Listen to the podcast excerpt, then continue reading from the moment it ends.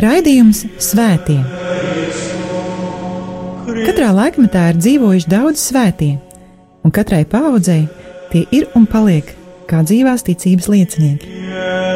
Mocekļi, apliecinātāji, vīri un sievas, jaunieši un bērni. Svētie ir tik dažādi, gluži kā mēs, bet ir kāda īpašība, kura visus svētos vieno. Viņi mīlēja, mīlēja Dievu un cilvēkus. Raidījums par svētījumiem ir stāstījums par Dieva mīlestības reālo klātbūtni mūsu dzīvē. Santa Trinitas unos Deus, miserere Patris, Santa Maria, ora pro Slavēts Jēzus Kristus, mīļie brāļi un māsas Kristu, mīļie radījuma arī klausītāji! Ēterā skan raidījums par svētajiem, un pie mikrofona esmu es, Priesteris Večeslavs. Šajā pusstundā, turpinot mūsu tikšanās ar bērnu un jauniešu svētajiem aizbildniem, stāstīšu par četrām jaunietēm, kuras baznīca ir atzinusi par svētajām. Stāstīšu par eh, svētīgo Lauru no Čīles, par eh, svēto pirmo gadsimtu mocekli Tatjanu, par eh, svēto Francisku Ksaveriju Karbini, kuru var nosaukt ne tikai par jaunu cilvēku aizbildni, bet arī par bēgļu un trimdinieku aizbildni, un raidījuma nobeigumā, atbildot uz kādas klausītājas lūgumu, vēl pastāstīšu par svēto Konstanciju.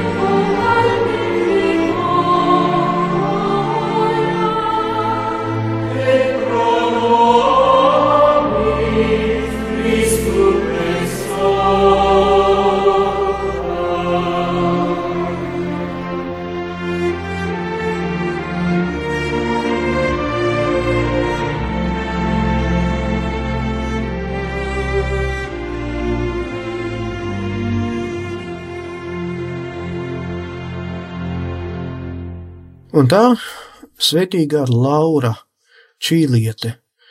Viņa ir dzimusi 1891. gada 5. aprīlī Čīlē, ģimenē, kura tika vajāti politisku iemeslu dēļ. Laura tika nokristīta 24. maijā, Visvētākās jaunavas Marijas kristīgo palīdzības piemiņas dienā. Viņas tēvs dienēja armijā, Māte savukārt bija šuvēja. Revolūcija piespieda Lauras ģimeni atstāt Čīles galvaspilsētu un doties uz valsts nomali. Viņi apmetās uz dzīvi netālu no Čīles Argentīnas robežas. 1893. gadā nomira Lauras tēvs, visticamāk no plaušu karsoņa. Un 1899. gadā kopā ar māti un arī ar savu māsu Laura devās iztikas līdzekļu meklējumos uz Argentīnu. Apmetusies uz dzīvi pilsētiņā, kura bija slavena ar savu amoralitāti, Lauras māte, lai nodrošinātu savam meitām iztiku un iespēju studēt, uzturēja ārlaulības sakarus ar kādu saimnieku Manuelu Moru. Laurai un viņas māsai līdz ar to bija arī iespēja apmeklēt internetu skolu, kuru vadīja māsas salēzietas. Šajā skolā Laura tika sagatavota pirmās svētās komunijas saņemšanai. Šeit Laura nolēma veltīt arī visu savu dzīvi Kristum. 1901. gadā, 8. decembrī, visvētākās jaunavas Marijas bezvainīgas ieņemšanas svētkos, viņa iestājās Marijas meitu biedrībā. Gadu vēlāk, 1902. gadā, Laura saņēma iestiprināšanas sakramentu un iesniedza lūgumu uzņemt viņu māsu salēziešu kongregācijā, kur sava laika viņa atrada gan patvērumu, gan aprūpi, gan palīdzību, gan iespēju izglītoties. Tomēr Laura saņēma atteikumu, jo bija vēl pārāk jauna gados un arī tāpēc, ka māte turpināja dzīvot ārlaulībā. Laura ar sava bīdstēva piekrišanu un atļauju salika privātos svētsolījumus saglabāt sietšķīstību, dzīvot nabadzībā un paklausībā, tāpat kā klosterī. Tajās dienās savā dienas grāmatā Laura rakstīja: Es nolēmu darīt visu, ko protu un visu, ko varu, lai cilvēki tevi, Jēzu, pazītu un mīlētu, un lai gandarītu par daudziem zaimiem, ar kurām tev ir jāsatiekas katru dienu. Viņas mātes grēcīgā dzīve bija Laurai par smagu nastu, un, kad kādu dienu dzirdēja fragmentu no evaņģēlija par upurēšanos citu cilvēku pestīšanas labā, Laura veltīja dievam savu dzīvi, lai izlūgtu mātes atgriešanos. Grēka nelaime diemžēl skāra ne tikai Lauras māti, bet arī pašu meitu, Lauru. Tas pats Manuēls Mora sāka uzmākties pašai Laurai. Kādas vasaras brīvdienu laikā Laura tika smagi piekauta, tomēr viņa saglabāja savu šķīstību paglābjoties pie māsām viņu vadītajā internetskolā. Laura, uzturoties skolā, visām meitenēm bija par pieticības, par paklausības, pazemības un lūkšanas piemēru. Bija vienmēr gatava palīdzēt, vienmēr gatava piedot, jo te līdzi. Viņa nereti uzņēmās pildīt dažādus gandaris darbus un ilgas stundas viņa lūdzās visvētākā sakramenta priekšā. Jāsaka, ka Lauras upuris, kas plūda no viņas sirds dziļumiem, bija patīkams dievam un tika pieņemts. Lauras veselība neizskaidrojamā un noslēpumaina veidā sāka pasliktināties. Viņa kļuva fiziski tik vāja, ka nācās atbrīvot viņu no daudzu pienākumu pildīšanas. Nelīdzēja nec zāles, nec labāka ēdināšana. Laura lēnītēm mīra, bet auga garīgi. Tikai pēc pāris dienas pirms savas nāves Laura atklāja savu noslēpumu. Visu, ko viņa cieta, ko viņa, par ko viņa lūdzās, visu veltīja kā upuri par savu mammu. Kad Lauras māte par to uzzināja, viņa bija tik dziļi satriekta, ka solīja pārtraukt grēcīgu dzīvesveidu un izsūdzēt grēkus, ko vēlāk arī izpildīja. 13 gadu vecumā, 1904. gada 22. janvārī, Laura piedzima debesīm. Svētīgo kārtā Lauru no Čīles iecēla svētais Jānis Pāvils II 1988. gada 3. septembrī.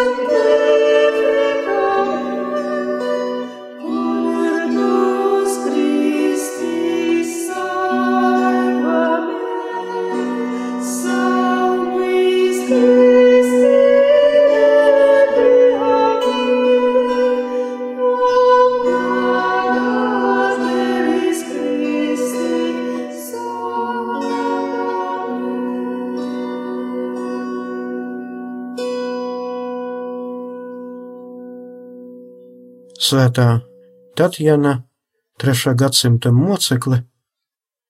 Jāsaka, ka ir divas svētās Tatjanas. Svētā Tatjana no Grieķijas, vienturniece, un svētā Tatjana mocekle. Abas baznīca godina janvārī. Grieķijas Tatjanu 5. janvārī, bet Tatjanu mocekli 12. janvārī. Svētā mocekle Tatjana tika nogalināta visticamāk 3. gadsimta sākumā Romā. Par ko? Par to, ka bija kristieti. Viņa piedzima ievērojamā romiešu ģimenē. Viņas tēvs trīs reizes tika ievēlēts par konsulu. Viņš bija slepens kristietis un audzināja savu meitu uzticībā dievam un baznīcai. Sasniegusi pilngadību, Tatjana neaprecējās, bet visus savus spēkus veltīja Kristus baznīcai. Viņa pildīja diakona pienākumus vienā no Romas baznīcām un kalpoja dievam, kopjot slimos un palīdzot tiem, kuriem tas bija nepieciešams. Kad eh, Romā sāka valdīt 16-gadīgs Aleksandrs Severs, Visa vara koncentrējās ļaunākā kristiešu ienaidnieka un vajātāja Ulpijāna rokās. Kristiešu asinis plūda straumēm. Tika sagūstīta arī Tatjana.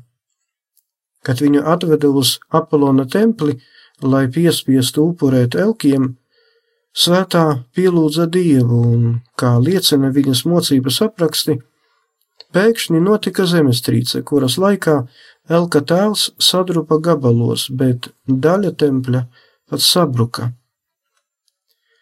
Tad eh, svēto tacienu sāka sīst. Izdura viņai acis. Bet viņa visu pārcieta vīrišķīgi, lūdzoties par saviem mocītājiem, lai Dievs atvērtu viņu garīgās acis. Un kungs uzklausīja, patiešām uzklausīja savas kalpones lūgšanas. Bendēm atklājās, ka četri eņģeļi ieskauj svēto un atvaira no viņas sitienus, un viņi dzirdēja balsi no debesīm, kura uzrunāja svēto mocekli. Astoņas bendes pievērsās Kristum un krita pie kājām tacienai, lūdzot piedot izdarīto. Vēlāk par to arī viņi tika spīdzināti un sodīti, saņemot kristību caur asinīm. Arī viņus nogalināja. Nākamajā dienā svētā Taciena tika no jauna pakļauta mocībām. Viņu izgerba, sita, ar nažiem grieza viņas ķermeni. Bet tad no retām asins vietā sāka tecēt piens, un gaisā izdalījās dievišķīga smarža. Mocītāji zaudēja spēkus un paziņoja, ka kaut kas neredzams viņus pašus sit ar dzels nojām, un atkal deviņi no viņiem tūlīt nomira. Svēto iemeta cietumā, kur viņa visu nakti lūdzās un kopā ar eņģeļiem dziedāja slavas dziesmas kungam. Uzausa jauns rīts, un svēto tācienu no jauna atveda uz tiesu. Satrakotie mocītāji ieraudzīja, ka pēc tik daudz briesmīgām mocībām Taciena bija pilnīgi vesela un vēl skaistāka un starojošāka nekā agrāk. Viņu sāka pierunāt piemest upuri šoreiz nevis Apolonam, bet dievietei Diānai.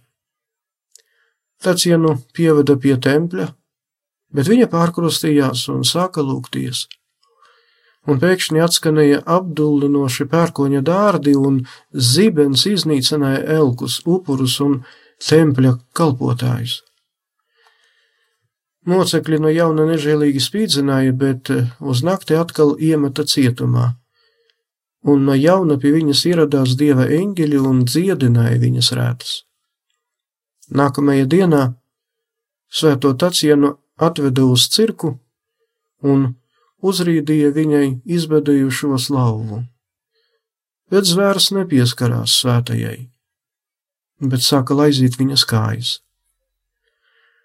Tacienu iemeta ugunī, bet arī uguns nekaitēja moceklei. Apkārt esošie pagāni un elku godinātāji, domādami, ka viņi ir burve, nogrieza tacienai matus, lai atņemtu viņai burvju spēku un ieslodzīja zeve templī.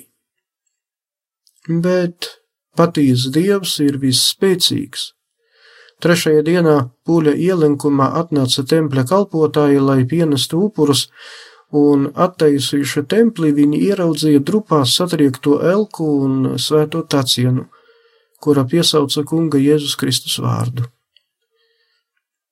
Visas mocības bija izmēģinātas. Viņai piesprieda nāves sodu un vīrišķīgajai moceklei nocirta galvu ar zobenu.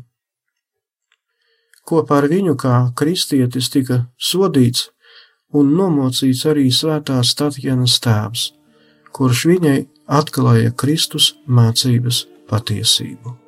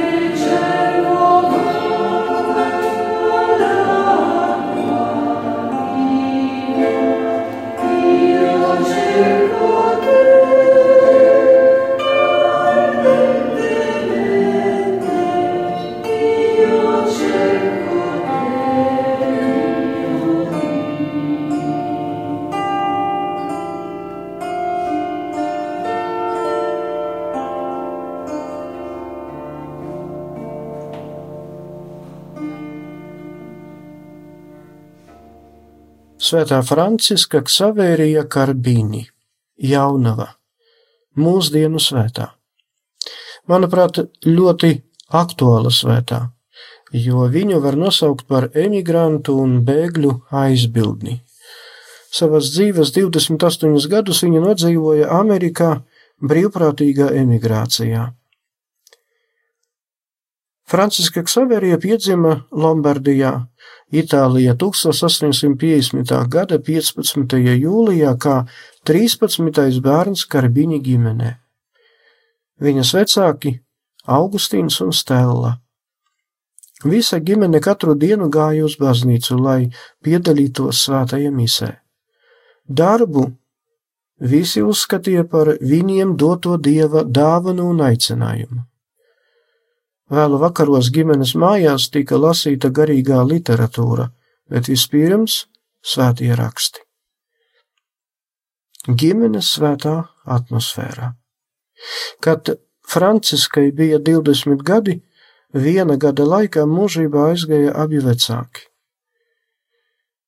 Viņa mēģināja iestāties dažādu māsu kongregācijās, bet vājas veselības dēļ saņēma atteikumus. 1874. gadā viņai tomēr izdevās iestāties Dieva apredzības māsu kongregācijā, kurā Franciska pavadīja sešus gadus. Māsas nodarbojas ar bāreņu aprūpi. Pēc eh, svinīgu svētsolījumu salikšanas kongregācijas dibinātājs Lodi pilsētas bīskaps iecēla viņu par visas kongregācijas ģenerālmāsu. Viņai bija toreiz tikai 27 gadi. Tad arī māsa pieņēma vārdu Franciska Ksavērija. Viņa kopš bērnības vēlējies kļūt par misionāri, bet svētais Francisks Ksavērijs ir misionāru aizbildnis. 1880. gadā svētā nodibina citu kongregāciju, Jēzus sirds māsu misionāru institūts, uzrakstot jaundibinātajai kongregācijai dzīves regulu. Kongregācijas mērķis - dzīvot, darboties un būt starp ticīgajiem un neticīgajiem nemirstīgo dvēseli pestīšanas labā. Pēc astoņiem gadiem kongregācijas māja tika nodibināta Romā. Tur Svētā Franciska Ksavēra altera priekšā kopā ar līdzmāsām Svētā Franciska svinīgi un svēti solīja strādāt evaņģēlijā labā austrumos. Kad Ņujorkas arhibīskaps vērsās pie pāvesta Leona 13.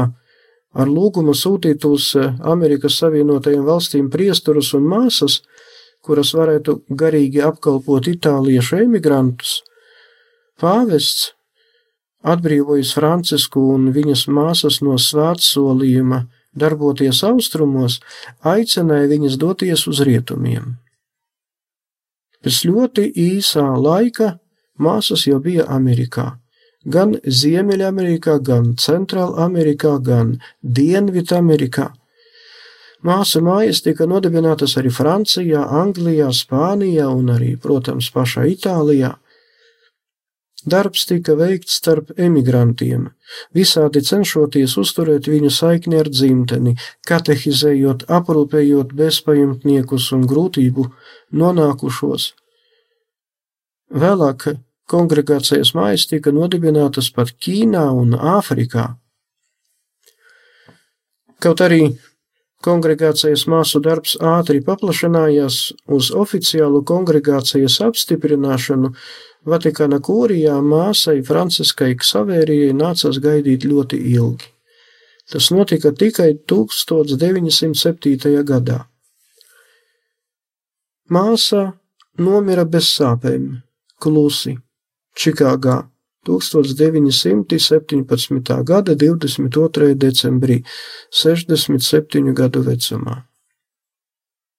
Svēto kārtā māsu Francisku Saveriju Karbiņu iecēla 1946. gadā Pāvis Pīs 12. Un tas pats Pāvis Pīs 12. 1950. gadā pasludināja svēto māsu Francisku Saviju Karmīni par emigrantu un bēgļu aizbildni.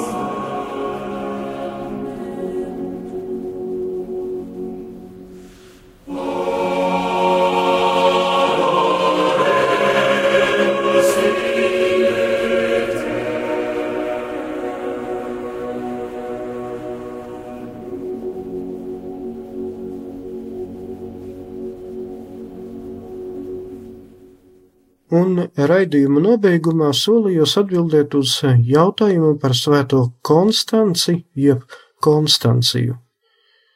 Ar šādu vārdu Konstancija svēto sarakstā var atrast vismaz vienu svēto un vienu svētīgo. Svētā Konstancija laulātā dzīvoja, dzīvoja 4. gadsimtā, un svētīgā Konstance, Aragonas karaliene, dzīvoja 13. gadsimtā. Un tā, 3. gadsimta svētā Konstancija, par kuru tagad stāstīšu, bija kristietībai ļoti nozīmīga un lojāla Romas imperatora Konstantina lielā meita. Un neraugoties uz to, vēsturiski labi pamatotu ziņu par viņu ir saglabājies ļoti maz. Visticamāk jau ļoti banāla iemesla dēļ viņu apslēpa viņas dižana tēva ēna.